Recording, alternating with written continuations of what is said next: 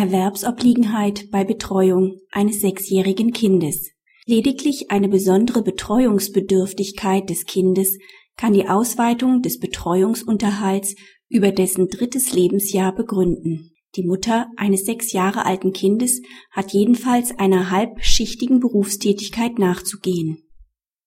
Das neue Unterhaltsrecht geht davon aus, dass das bisherige Altersphasenmodell nicht mehr haltbar ist.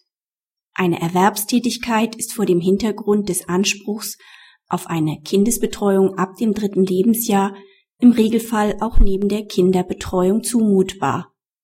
Nur wenn der Berechtigte substanziiert darlegt, dass die konkrete Betreuungssituation oder eine besondere Betreuungsbedürftigkeit des Kindes eine vollschichtige Erwerbstätigkeit nicht zulassen, kommt nach dem Willen des Gesetzgebers ein über das dritte Lebensjahr des Kindes hinausgehender Betreuungsunterhalt in Betracht.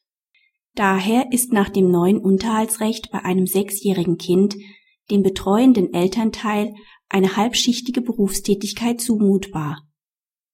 Aufgrund des bisher durch die Gerichte angewendeten Altersphasenmodells ist dem berechtigten Elternteil aber eine Übergangsfrist zuzubilligen, innerhalb derer er sich auf die verschärften Anforderungen an die Erwerbsobliegenheit einstellen und Bemühungen um einen Arbeitsplatz entfalten kann.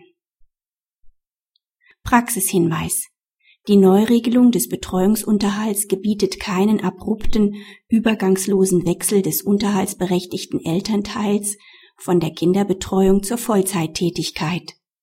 Unter Kindeswohlaspekten bleibt auch künftig ein gestufter Übergang möglich.